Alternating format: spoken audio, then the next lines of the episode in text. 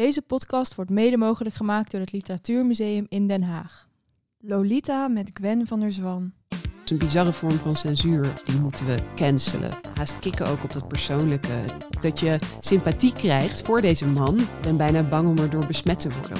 En dan is natuurlijk de vraag, is het dan krachtig? Leven lezen. Leven lezen. Leven lezen. Leven lezen. Leven lezen. Ik ben Marit. En ik ben Nienke. We houden erg van lezen en we zijn ook erg benieuwd wat anderen lezen. Daarom gaan wij iedere aflevering in gesprek met iemand over diens favoriete boek. Kunnen we door middel van de literatuur het leven van onze gast leren kennen? Kunnen we na het lezen van de boeken ook de gasten lezen? Nienke, ik heb een vraag. Wat lezen we vandaag? Dat moet je vragen aan onze gast. Wat koos die uit de boekenkast? Jean-Paul Sartre of Saskia Noord? Of hebben we er nog nooit van gehoord?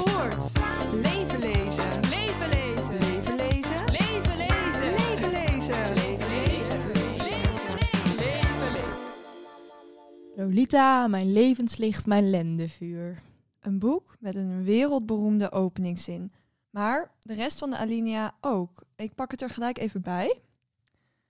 Mijn zonde, mijn ziel, Lolita. De tongpunt drie treden het gehemelte af en tikt bij drie tegen de tanden. Lolita. Ze was lo, gewoon la, als ze met haar 1,50 meter ochtends met één sok aanstond. Ze was Lola in een lange broek. Ze was Dolly op school. Ze was Dolores als ze ergens haar naam onderzette. Maar in mijn armen was ze altijd Lolita. Ja, niet alleen de opening is wereldberoemd, maar eigenlijk het hele boek. Vooral door het controversiële thema. Het is vaak in opspraak geweest en zelfs meerdere keren verboden. Mhm. Het boek gaat over de man Humbert Humbert, die verliefd wordt op zijn twaalfjarige stiefdochter Lolita. Lolita's moeder, de vrouw waar Humbert Humbert dus mee getrouwd is, overlijdt al snel en zo krijgt hij de voogdij over Lolita. En hij reist met haar door Amerika, gaat van hotel naar hotel en er ontwikkelt zich een seksuele relatie tussen hen. Ja, en het onderwerp is dan ook de reden dat het boek eerst niet uitgegeven mocht worden. Het werd in Amerika eerst door meerdere uitgevers geweigerd. En uiteindelijk werd het in 1955 voor het eerst uitgegeven bij een beetje obscure uitgeverij. Ja, dat was in Parijs. En drie jaar later eh, werd het voor het eerst in Amerika uitgegeven. En toen veroverde het boek al snel de hele wereld. Maar ook toen het uitgegeven was, werd het boek op meerdere plekken verboden. Ja, en toen heeft Lolita ontzettend veel invloed, invloed gehad. Dat heeft ze eigenlijk nu nog steeds. In kunstvormen wordt aan de lopende band ook verwezen naar Nabokovs roman. Ja, bijvoorbeeld Marieke Lucas Reineveld schreef eh, Mijn lieve gunsteling, een roman die heel sterk gebaseerd is op Lolita. Een veearts ontwikkelt een liefde voor een jong meisje en de structuur en stijl van het boek vertoont heel veel overeenkomsten met Nabokov. Ik vond dat trouwens echt een supergoed boek. Heel indringend en een geweldige stijl. Las je die dan ook met meer plezier dan Lolita? Eh, nou, eerlijk gezegd wel. Het favoriete boek van Gwen is in ieder geval Lolita. Gwen kun je kennen als journalist, schrijver of documentairemaker. En ook zij schuwt de controverse niet. In haar werk neemt ze bijvoorbeeld vrouwelijkheid onder de loep. Zo ging ze undercover op het streamingplatform Twitch om de rol van vrouwen te onderzoeken. Ja, op Twitch streamen mensen hun leven. En vorig jaar debuteerde ze met de Zuigertje, waarin streaming ook een belangrijke rol speelt. Leven lezen. Leven lezen. Leven lezen. Leven lezen. Leven lezen. Hoi Gwen. Heel leuk dat we op bezoek mogen komen bij jou om vandaag te praten over Lolita. Eh, we beginnen zoals altijd met een doorgeefvraag. En deze keer komt die van Jung Dam, waarmee we de vorige aflevering in gesprek gingen. En zij vroeg zich af waar jij inspiratie vandaan haalt voor een nieuw project. eh, omdat ze jou een heel veelzijdige maker vindt. Eh, je bent journalist, documentairemaker, schrijver. En dan vraagt ze zich af, als een project is afgerond, hoe vind je weer de inspiratie voor iets nieuws? Ah, wat leuk dat, eh, dat dit zo eh, geformuleerd is. Ehm, veelzijdige maker, leuk om te horen. Ehm, ik, ehm, ik dacht, ik denk van oudsher heb ik altijd, eh, ik ben begonnen als journalist natuurlijk. Of ik ben begonnen als journalist. En in die tijd was het gewoon nog heel erg moeilijk om werk te krijgen. Dus was ik afhankelijk van goedgekeurde pitches. Dus ik leverde dan documenten met pitches aan. En omdat ik in die tijd nog niet zo goed doorhad wat wel en niet ehm, dan gepubliceerd zou worden, of waar de redactie akkoord mee zou gaan, waren die ehm, lijsten gewoon heel erg lang. Dus dat waren dan gewoon rustig eh, 30, 40, 50 pitches. En dan zei de redactie van een paar pitches, nou, ehm, hier zien we wel hel in. En zo is dat eigenlijk eh, altijd doorgegaan. Dus ik, ik heb altijd, ik heb dus WhatsApp-gesprekken met mezelf. Zo werk ik vooral. En daar schrijf ik dan eh, ehm, ideeën in. Ehm, En hoe kom je dan specifiek tot inspiratie voor bijvoorbeeld Zuigertje? Voor Zuigertje. ehm, nou, ik wilde voor Zuigertje heel graag iets doen met. ik wilde gewoon de vrouwelijke stem centraal stellen. Dat stond voorop. En via mijn personages ehm, de gevolgen laten zien van een be- bepaalde maatschappelijke structuren. En in Zuigertje, dus de protagonist Olivia, die eigenlijk heel erg leidt onder haar vrouw zijn. En de klassieke genderrol. Ehm, dus dat was het uitgangspunt. En hoe kwam ik daarbij? Ja, omdat ik zelf vrouw ben, denk ik, en daar veel voor nadenk. En dat is wel het leuke aan fictie. Dat, of aan, nou ja, dan het schrijven van een roman, dat ik daar natuurlijk wel heel erg de vrij, vrijheid heb om meer te doen. Wat vind ik nou echt belangrijk? Waar wil ik het echt over hebben? Ja, en vandaag gaan we het hebben over Lolita van Nabokov. En eh, eerder mailde je ons dat je het daar onder andere ook over wil hebben vanwege de situatie met Pim Lammers. En nu denk ik dat de meeste luisteraars van ons wel weten wat er ongeveer aan de hand is. Maar misschien is het toch goed om nog heel even kort te vertellen wat er precies is gebeurd. Zou je dat eh, kort kunnen vertellen? Eh, ja, zeker, graag. Eh, Pim Lammers had een eh, verhaal geschreven, De Trainer heette dat, Mhm. zo uit mijn hoofd. En dat gaat over een verhouding tussen een 12-jarige jongen en zijn voetbalcoach. Ja. Ehm, en hij ehm, mocht vervolgens voor de kinderboekenweek een, een stuk schrijven. Dat was niet eens dit verhaal. Ehm, maar toen kwamen er dus van alle hoeken en gaten mensen die zeiden wij willen eh, niet eh, Pim Lammers een podium geven, want deze man is een, een pedorast, een eh, pedofiel, een, hij verheerlijkt seks met kinderen en die moeten we cancelen. Dat was eigenlijk wat er gebeurde. En toen vervolgens vanuit het schrijverslandschap waren er eigenlijk weer heel veel, veel mensen die daartegen tegen ingingen. Die zeiden, ja maar Horus, dit is gewoon, ehm, dit is kunst, dit is literatuur. Je kan niet zeggen, je mag hier niet over schrijven. Dat is eh, vreselijk eigenlijk. Ja. Ja, wat doet dat met jou als je dat hoort? Ehm, nou ja, dat doet op meerdere lagen dingen. Want ten eerste is het gewoon heel pijnlijk als iemand doodsbedreigingen krijgt voor de dingen die hij schrijft of zij schrijft. En ik ben, heb zelf ook in mijn leven best wel vaak doodsbedreigingen gehad door dingen die ik op het internet deed. En ik weet dat dat heel naar is. Ehm, en als, ja, dus ik, het verbaast me ook niet. Ehm, maar als we dit nu ook al krijgen op basis van fictieve verhalen die we schrijven, dan durven we dus straks geen fictie meer te schrijven. Dus daarom vond ik het wel heel fijn dat er een tegengeluid kwam. Want dat is vreselijk als je eh, moet vrezen voor je leven ehm, als je om, om de dingen die je schrijft. Dat is toch bizar. Dat is een bizarre vorm van censuur eigenlijk. En op wat voor dingen kreeg jij dan doodsbedreigingen? Ehm, nou, waar ik bijvoorbeeld heel veel. eh, om echt wel, ik heb echt wel een lange lijst eh, van dingen waar, waar eh, die ervoor zorgden dat ik doodsbedreigingen kreeg. Dat is naar genoeg beperkt zich dat niet eens tot één ding. Maar recentelijk vooral omdat ik ehm, dus als journalist undercover ben gegaan op Twitch. Dat is Mhm. een enorm livestream platform. En daar onderzoek ben gaan doen naar de rol van vrouwen. En dat is dus een plek, een plek die ook volgens de eigen data van Twitch enorm wordt gedomineerd door mannen. Dus het overgrote deel van de streamers is man. En er is ook heel veel, ehm eerst heel veel misogynie en racisme. En eh, gemarg- gemarginaliseerde groepen worden gewoon ge- gediscrimineerd enorm. En ik ging dat dus doen undercover en ik werd heel groot. Ik werd een van de grootste vrouwelijke Twitch-streamers van Nederland.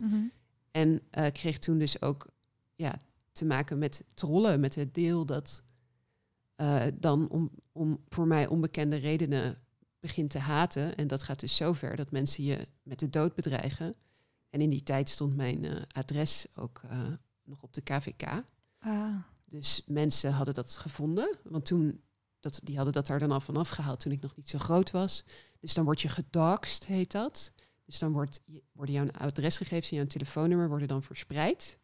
Ehm, en dat werd verspreid op allemaal streams. Dus ik werd voortdurend gebeld. En als ik dan opnam, dan werd ik dus eh, werd er tegen mij gezegd dat ik, eh, nou ja, dat ik ging sterven, hoer, ik noem maar wat. Of eh, dat als iemand me voor zijn auto zag lopen, dat hij extra gas zou geven. Of dat er dingen naar mijn huis gestuurd zouden worden. En dat als ik het pa- pakketje open zou maken, dat ik er dan geweest zou zijn. Gewoon dit soort dingen, dat krijg je dan echt. En dat was dus eigenlijk alleen omdat ik een vrouw was op het internet die niet in de smaak viel bij iedereen. Ja. En toch vond je dan ergens weer moed om door te gaan met nieuwe projecten. Ja, zeker. Ja. Ik, ik denk dan niet, ehm, ik ga nu stoppen met mijn geluid laten horen. Misschien wordt het op een bepaalde manier ook alleen maar gevoed. Omdat als ik aanloop tegen een soort van dit soort haat, voel ik alleen maar mij meer eh, gesterkt om dit soort haat of misogynie aan de wereld te laten zien en het daarover te hebben. En is het voor jou dan ook nu een moeilijke tijd om schrijver te zijn? Om over bijvoorbeeld bepaalde onderwerpen te schrijven? Of is het juist ook een tijd waarin je dat kunt doen om een tegengeluid te laten horen? Nou, ik denk dat er wel veel schrijvers. eh, ik heb nog niet gelezen, maar ik wil bijvoorbeeld heel graag. zat ik vanochtend nog naar te kijken dat. eh eh, Pose van Basje Boer lezen. Mhm. Die heeft het ook heel erg over de male gaze. En, eh, maar ja, het is natuurlijk eind, de- de- er zijn natuurlijk superveel feministen die het hebben over nou ja, het patriarchaat en hoe je als vrouw daarin ehm, ja, je begeeft en door gevormd wordt misschien ook wel. Ik heb niet het gevoel dat ik daar niet over kan schrijven. Ik heb wel bevestigd gekregen dat er uiteraard mensen zijn die daar dan boos van worden. Maar ik voel mij niet eh, zodanig eh, bedreigd dat ik denk dat ik daarmee op ga houden. Nee. En bij het kinderboekengedicht ging het er ook over dat dan Pim Lammers eerder een gedicht had geschreven. En ging het ook over wie Pim Lammers dan was. Maakt het voor jou uit door wie een verhaal is geschreven, hoe je het dan beoordeelt? Of kijk je daar helemaal niet naar? Ehm, ja, zeker wel. Ik kijk heel erg naar wie een verhaal schrijft. Als er bovenaan een artikel staat door Thierry Baudet, dan kijk ik toch anders dan eh, als er staat Basje Boer, ik noem maar Mhm. wat. Ja, dat neem je altijd mee, denk ik. En wat ik dan dus heel erg hoop, is dat mensen op een gegeven moment zullen denken, oh, Gwen van der Zwan, dat die heeft wel iets interessants te vertellen over dit onderwerp. Ja. Jij, doe jij dat? Kijken jullie daarnaar? Mm, Ik probeer wel bijvoorbeeld meer boeken van vrouwen te lezen, omdat ik dat belangrijk vind. Mm. Maar ik weet niet, ja. Ja, het is wel heel moeilijk, denk ik, in deze tijd om dat los te zien. Mm. Omdat ook heel veel makers ook, net zoals jij eigenlijk, ook op verschillende manieren dingen maken. En kunstenaars heel erg zichtbaar zijn. Dus ook al zou je dat willen en gewoon bijvoorbeeld een boek lezen zonder te weten wie erachter zit, dat dat eigenlijk bijna niet mogelijk is. Mhm. Nee. Ja, we leven natuurlijk ook in een tijd waarin mensen ja, haast kikken ook op dat persoonlijke, het kennen van de maker. En dan het liefst nog even het Instagram-account opzoeken om te kijken Mhm. wat die persoon allemaal doet. En zou Lolita dan ook in deze tijd geschreven kunnen worden? Ehm, waarom zou het niet in deze tijd geschreven kunnen worden? Omdat er nu zoveel kritiek komt Ja. op makers, dat Nabokov het misschien wel helemaal niet durfde te schrijven. Maar het was er toen natuurlijk ook, want het boek was meteen verboden. Eh, en dat is later toen weer uitgegeven. En eh, het, volgens mij, het, mocht in Amerika niet worden uitgegeven. Toen is het uitgegeven in Frankrijk uit mijn hoofd. Maar correct me if I'm wrong. Ehm, en dus meermaals, en toen weer van de markt gehaald. Dus er waren echt wel ook heel veel mensen die dat echt niet, eh, niet oké vonden. En toen vervolgens natuurlijk een enorme bestseller geworden, juist omdat het zoveel een opspraak was. Ehm, maar er was natuurlijk in die tijd misschien geen KVK-website waar dan eh, het adres van eh, Nabokov eh, stond en internethaat die je kon krijgen. Maar ik zag laatst nog een interessant stuk ook over. Nu ben ik de vrouw vergeten, maar zij was een anti-gay activist. Nou, ik kan even niet op haar naam komen, stom. Maar in ieder geval, jaren 50 kreeg ook enorm veel ha- haat. En in die tijd, nou ja, stuurde je dan niet een eh, hatelijk Instagram bericht of een Twitter bericht. Maar een, een brief met daarin eh, ja, vieze dingen of eh, Hmm. gekke dingen of haatmail. Of, ja. Ja, en wanneer las jij Lolita voor het eerst? Toen ik 16 was. Ja. En wat greep je er toen zo in aan? Weet je dat nog? Ja, ik, wat ik het meest geweldige aan het boek vond toen was de taalrijkheid. Dus de metaforen en de taal. Het was eigenlijk voor het eerst dat ik in aanraking kwam met zulke, zulk prachtig taalgebruik. Alhoewel ik dus helemaal niet, zeker tegenwoordig niet meer, van archaïsch taalgebruik hou. Was ik toen echt verbluft door ehm, hoe hij dat kan. In ieder geval, ik vond dat eh, he- heel bijzonder hoe hij taal inzet. Ik was daar helemaal van ondersteboven. En, en ook een soort van humor die hij heeft. Dat vond ik ook heel erg eh, bijzonder. Dat maakt het misschien ook juist heel schrijnend. Dat het, er zit heel veel humor inderdaad in, maar het is ook heel heftig tegelijkertijd.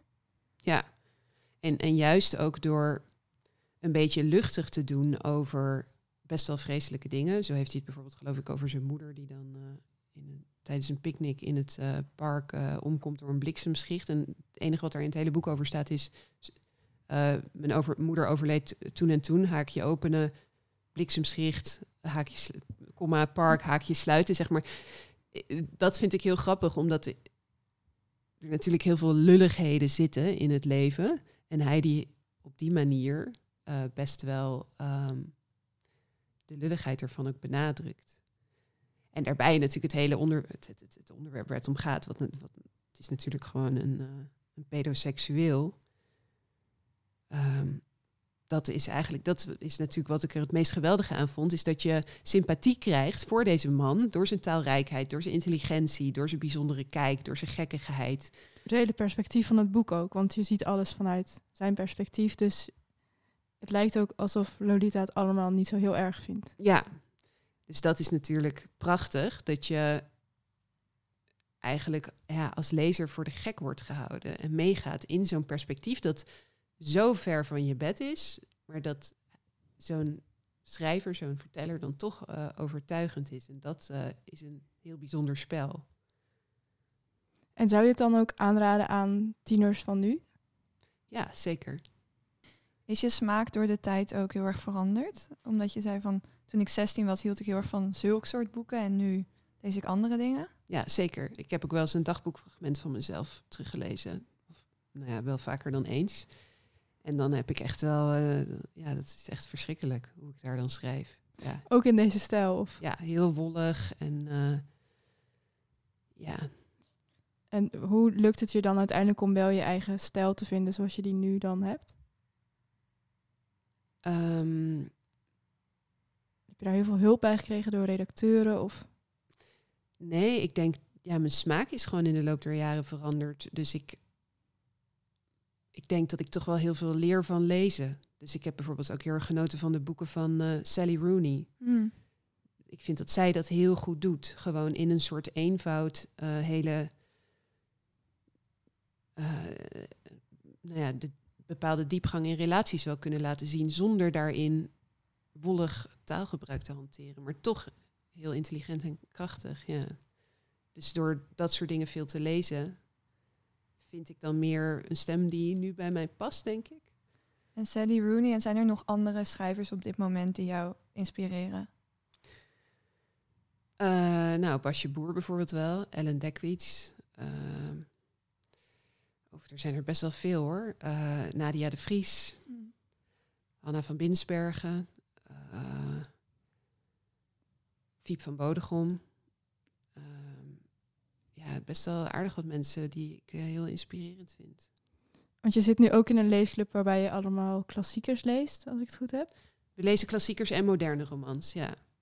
En eh, vind je het dan ook leuk om weer meer klassiekers te lezen? Of Nee, ik pleit dus altijd voor moderne romans. Dus ik, sterker zelfs, ik had bij ons vorige boek toen we de Simon Vestdijk gingen lezen, gezegd dat ik maar één verzoek had en dat ik niet een heel archaïsch wollig boek wilde. En toen gingen we vervolgens de Kelner en de Levende lezen. Dus toen was ik, heb ik het dus ook maar half gelezen. Ik vond het dus, dat vond ik dus inderdaad nou, niet leuk om te lezen, niet prettig. Gewoon, ik dacht, dit kan ik op geen enkele manier meer toepassen in mijn eigen werk. Behalve dat ik dan het theologische aspect erin wel interessant vind. Want ik studeer ook deeltijd theologie. Dus dat, dat vind ik dan wel interessant, die theologische referenties. Maar ik vind dat taalgebruik gewoon bijna... Ik, ben bijna bang om er door besmet te worden of zoiets. En dat heb je niet bij Lolita. Ehm, minder, ja. Want dat vind ik echt overtuigend. Dat is Mhm. zo, ja, Want dat is natuurlijk ook een klassieker. klopt. En ook dat ook wel natuurlijk geen modern taalgebruik. Mhm. Maar ik vind Lolita gewoon. Maar dat is natuurlijk lastig te onderbouwen, misschien omdat dat ook subjectief is, maar gewoon super overtuigend in dat taalgebruik. Ja, ik vind het echt prachtig. Leven lezen. Leven lezen. Leven lezen. Leven lezen. Leven lezen. En Lolita is ook een soort merk geworden. Mhm. Je hebt de popcultuur die beloont volwassen vrouwen om zich juist voor te doen als hele jonge meisjes. Zo had je bijvoorbeeld van die sterren als Miley Cyrus en Katy Perry en ehm, Ariana Grande ook wel. Die dan heel erg als een jong meisje willen zijn, omdat ze dan aantrekkelijker worden gevonden door de Amerikaanse westerse cultuur. En ook ja, hier in Europa wel. Mhm. En ervaar je dat zelf ook? Dat het zo'n archetype is geworden? Ja, absoluut. En dat vind ik ook juist heel tragisch aan Lolita, maar ook heel. Daarmee wordt ook heel erg de vinger op de zere plek gelegd. Want Lolita is natuurlijk uiteindelijk een kind en ze wordt volkomen door een soort van male gaze bekeken en geseksualiseerd, terwijl ze nog niet eens een vrouw is. En ik denk dat heel veel eh, kinderen, ik had het zelf ook als kind, maar ook vrouwen, zich dus ja, bewust zijn de hele tijd van die male gaze die we natuurlijk terugzien in de media, in boeken zoals Lolita, in, in, in, eh, in films, in, eh, in de wereld om ons heen. Ehm, wordt er toch vooral naar vrouwen. Ja, worden vrouwen toch wel snel een soort eh, lustobject of een object waar naar gekeken wordt. En daardoor, een Miley Cyrus, of dat is natuurlijk een heel ingewikkeld onderwerp, maar die eigenen zich dat ook weer toe en zetten dat in als een soort verdienmodel, wat ik ook begrijp, wat ik ook herken. Ehm, en dan is natuurlijk de vraag, is het dan krachtig om jezelf een soort van als sexy kind, want jeugd is natuurlijk, nou ja, zit hoog in de schoonheidsconcepten, hiërarchie en om je dat dan toe te eigenen en uit te melken als het ware, wi- win je daarmee dan? Of zijn we ons dan toch weer heel erg aan het vormen naar ja, een vrouwelijk ideaalbeeld waar we nou eigenlijk juist van af willen? Maar dat is denk ik heel moeilijk. En hoe beweeg jij je daar dan in? Ik geef het helemaal toe, in ieder geval, dat dat, dat heel diep in mij zit. Dus daar gaat Zuigertje ook heel erg over. Dat ik mij heel erg bewust ben van eh, mijn genderrol. En dat ik best wel eh, klassiek ben opgevoed. Misschien nog niet eens in mijn familie, maar zeker wel door de wereld om me heen. Dat ik overal heb teruggezien hoe, een, eh, hoe, hoe, de ideale vrouw eruit ziet en hoe ze handelt. En dat dat heel diep in me zit. En dat ik in ieder geval dus open probeer te zijn over het gesprek dat ik hierover voer met mezelf. Dus wat ik, dat ik opmerk in mijzelf vaak om dus zorgzaam te zijn, om een soort dienstbaarheid eh, te cultiveren, om er mooi en jong uit te zien. En dat vind ik heel naar. Maar als ik daar open over ben, ehm, kan ik misschien wel, kunnen misschien andere vrouwen dat ook een beetje herkennen en kunnen we ons er misschien ook een beetje vanaf bewegen of meer een plek vinden die past bij, die niet per se bestaat uit die genderrol. Ga je er dan, nu je dat wel zo toegeeft, ook tegen jezelf, er dan ook tegenin? Ehm, ja, dat probeer ik wel. Tuurlijk, ja. Ehm, maar ik vergeef mezelf er ook wel voor. Ik denk in zekere zin. ehm, heb, je dat, ja, heb, heb, ik, heb ik dit soort ideeën toch wel zo diep geïnternaliseerd dat het moeilijk is om er, om er helemaal los van te komen. Maar ik wil het er dan wel over hebben in ieder geval. En denk je ook dat kinderen van nu dat minder hebben dan ho- hoe wij zijn opgegroeid? Of denk je dat het nu nog meer is? Of hetzelfde? Ik denk in ieder geval niet minder. Want nu hebben we natuurlijk, dit is een beetje een inkoppertje natuurlijk, maar eh, allemaal social media. Dus waar, waar vroeger ook ver voor mijn tijd eh, het vrouwelijke voorbeeldfiguur eh, Maria was in de kerk, en dat was zo'n beetje het enige plaatje wat je zag, was dat in mijn tijd waren dat films en boeken en is dat nu TikTok-filmpjes. Maar je hebt ook wel nieuwe sterren, zoals Billie Eilish bijvoorbeeld. Die zich Ja. daar dan weer heel erg tegen afzet. Klopt, ja. Ja, ja. dus ja, dat, zal, dat, zullen, ja, dat, dat zullen sommige mensen wel oppikken en anderen niet. De doorgeefvraag. De doorgeefvraag. Eh, in de volgende aflevering gaan wij in gesprek met Jan Posma. Hij is essayist en schrijft onder andere voor de Groene Amsterdammer. Eh, en wij vroegen ons af of jij een vraag voor hem hebt. Ja, zeker. Want ehm, ik schrijf dus zelf niet zoveel essays en ik zou heel graag meer essays willen schrijven. Ehm, maar het is natuurlijk super breed. ehm, ehm, het, het format. Dus ik wilde graag eh, aan hem vragen hoe hij dat nou precies aanvliegt. Heeft hij een bepaalde structuur? Als in werkt hij met een inleiding, een vraag, een, een, een, een conclusie? ehm, of is dat iedere keer weer anders? Oké, en met hem gaan we in gesprek over een essaybundel. De kleine deugden van de Italiaanse schrijver Natalia Ginsburg. En in de essaybundel richt ze haar blik op alles wat ons leven vormgeeft, vriendschappen, relaties en het ouderschap, terwijl ze achtervolgd wordt door het fascisme. Bedankt voor het luisteren naar deze aflevering van Leven Lezen. Wil je meer afleveringen beluisteren? Volg ons dan in je favoriete podcast-app. Heb je een vraag? Of wil je ons gewoon iets laten weten? Stuur dan een mail naar levenlezen.gmail.com. Je kunt ons ook volgen op Instagram en Twitter. Tot de volgende keer!